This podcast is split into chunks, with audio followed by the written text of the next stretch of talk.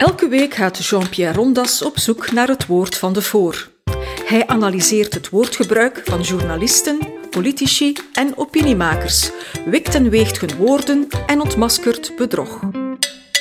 Beste luisteraar, Frank van den Broeke en Alexander de Croo zijn van hetzelfde laken een lelijk pak.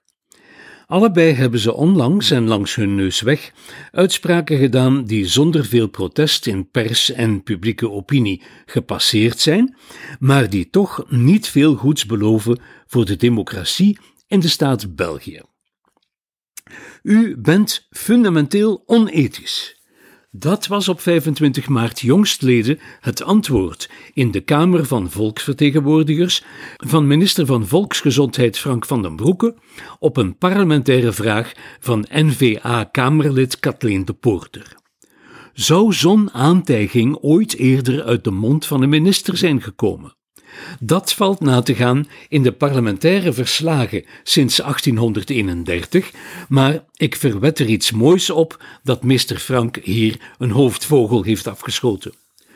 Normale, minder onderlegde ministers zeggen zulke dingen niet.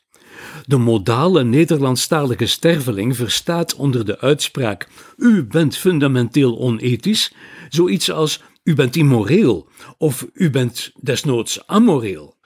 Maar dat bedoelde meester Frank niet. Hij trok de deugdzaamheid van het Kamerlid niet in twijfel. Normalerwijze komt deze zin in zijn taalgebruik eerder neer op: U bent een stomme trut die geen benul heeft van waar ik mee bezig ben. Echter, als ik deze zin zo interpreteer, ben ik nog genadig. Want Van den Broeke zou het verwijt ook woord voor woordelijk ernstig gemeend kunnen hebben. U bent fundamenteel onethisch. En mocht dat het geval zijn, dan is er ook iets ernstigs aan de hand met zijn democratiebegrip. En ik vrees dat dit het geval is. Wat had Kathleen de Poorter nu gezegd of gesuggereerd dat haar op zo'n zware beschuldiging kwam te staan? De verslagen en de filmpjes van het incident zijn raadpleegbaar. Ze had het over de trage Europese levering van vaccins, het gemak waarmee de minister zich daarin schikte. Ze had het over de gebrekkige levering van vaccins die nogthans in Europa en in Vlaanderen worden gefabriceerd, en over Van den Broekes weigering om te onderzoeken of men kon ingaan op het aanbod van het Serum Institute of India, dat immers ook het AstraZeneca-vaccin produceert, om anderhalf miljoen dosissen aan te kopen. Ze voegde eraan toe dat onze paracetamol en onze pacemakers wel uit India komen, waarom onze vaccins dan niet? VDB werd pisnijdig. Het werd onmiddellijk duidelijk dat hij hier niets ten gronde wou op ingaan.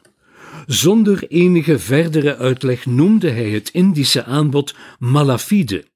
Misschien ging hij ervan uit dat de poorter zijn nadere toelichting toch niet zou begrepen hebben. Uit haar vorige interventies had hij onthouden dat ze apothekeres van beroep was. Vandaar zijn retorische vraag of zij die miljoenen vaccins misschien in haar eigen apotheek zou aanmaken. Het soort van opmerkingen waarvoor journalisten het woord fijntjes van stal halen. Hij besloot met de uitsmijter dat de vragenstelster fundamenteel onethisch was. Zij had niet iets onethisch gezegd, nee, zij was en is zelf in haar persoon ten diepste onethisch. Wat ze gezegd had, zegt immers ook de kritiek in heel Europa, tot in de Wereldgezondheidsorganisatie toe.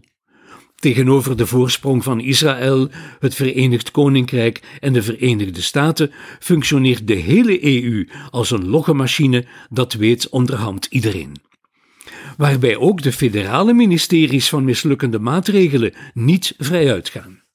Voor een vergeten Belgische handtekening die ons 2,5 miljoen vaccins heeft doen mislopen, moet men zich niet achter de rug van de Europese Commissie verschuilen.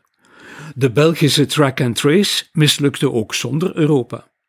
Voor ten dode opgeschreven en onnozele regels als het verplichte raamzitten in de treinen met bestemming Vlaamse kust zijn geen Europese richtlijnen verantwoordelijk.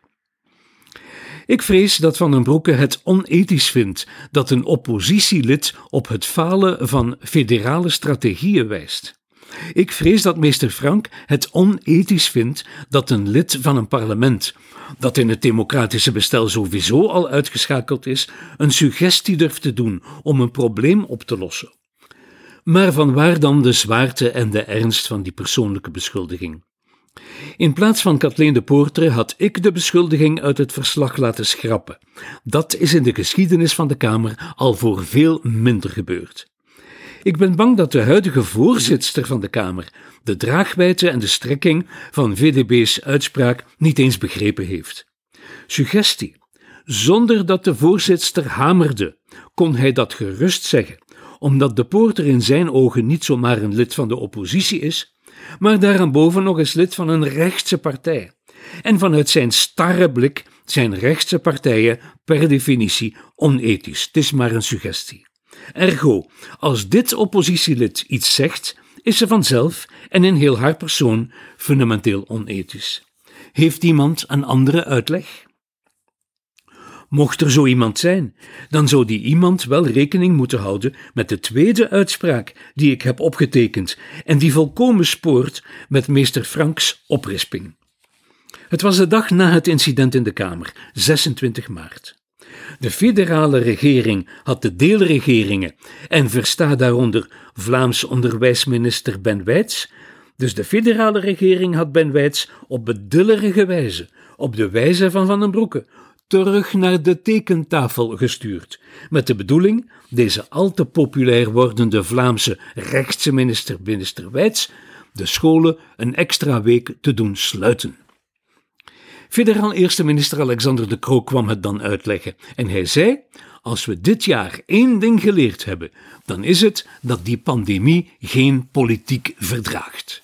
De pandemie heeft crisisbeheer nodig, wendbaarheid, koelbloedigheid. Einde citaat. Een krant titelde: Een pandemie verdraagt geen politiek. De Kro is het gehakketak beu. Het heeft er inderdaad alle schijn van dat de positief ingestelde persoon, de Kro, politiek gelijkstelt met gehakketak en beraadslagingen aan de directietafel van een bedrijf verkiest boven politiek in de slechte zin van het woord.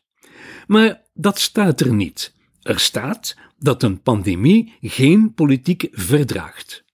Wat verdraagt een pandemie dan wel? Niet veel heb ik de indruk, en al zeker geen vragenstellende apothekeres in het parlement. Merkwaardig. Ben ik de enige die aan keizer Wilhelm dacht, die bij het uitbreken van de Eerste Wereldoorlog in augustus 1914 in de Rijksdag de onsterfelijke woorden uitsprak: Ich kenne keine Parteien mehr, ich kenne nur noch Deutsche. Der Burgfrieden, de godsvrede, heette dat toen. Ook de keizer maakte zich toen illusies. De waarheid is dat zelfs onder een dictatuur de politiek zich niet laat afschaffen. Ze wordt wel ongeregelder, ondergrondser, privater en ondemocratischer. Het verschil met keizer Wilhelm is dat Van den Broeke en de Kroo wel degelijk nog partijen kennen. Ze kennen vooral de NVA, aan wie ze oneenigheid verwijten, aan wie ze verwijten aan politiek te doen, aan wie ze de schuld voor mislukkingen willen toeschuiven. Iets wat duidelijk blijkt uit de regeringsgeïnspireerde krantentitels. Bijvoorbeeld maatregelen, ik citeer, ontploffen in het gezicht van Jan Jan Bon. Of oneenigheid over scholensluiting toont het coronafalen van de NVA. Alsof de NVA in de regering zit. Dat brengt me tot de vraag, beste luisteraar, wie de staatsman is. Of wie achteraf, na gedane zaken, als staatsman zal beschouwd worden. Het is me opgevallen dat staatsmannen diegenen zijn die met de democratie hardhandig, laten we zeggen, soeverein zijn omgesprongen. Is de staatsman dan diegene die in staat is om in tijden van nood politiek te bedrijven, terwijl hij democratische bezwaren opzij zet en autocratisch begint te reageren? Hoe verhoudt de staatsman zich eigenlijk tot de democratie? Wordt hij staatsman precies doordat hij in zijn politiek handelen de democratie een voetje heeft gelegd? Of is de staatsman diegene die het politieke spel zodanig beheerst dat men hem nadien zijn soevereine handelen vergeeft? Zou het dan echt zo zijn dat democratie gevaarlijk is in coronatijden? Is de prijs die we voor onze veiligheid moeten betalen dan de ontmachtiging van de democratie? Dat is wat De Croo theoretisch beweert en wat Van den Broeke in de praktijk toepast. Volgens deze leer is parlementaire controle als controle onethisch en handelt alleen de soevereine beslisser ethisch, die immers beweert over alle informatie te beschikken. Laten we een dubbel standbeeld voor dit duo oprichten, met het opschrift Het volk aan zijn twee fundamenteel ethisch ingestelde staatsmannen. We zetten er de pot met rode verf alvast naast. Dit was een episode van Doorbraak Radio, de podcast van doorbraak.be. Volg onze podcast op doorbraak.be/radio of via Apple Podcasts, Overcast of Spotify. Bezoek ook onze website op doorbraak.be en steun ons door een vriend te worden van Doorbraak.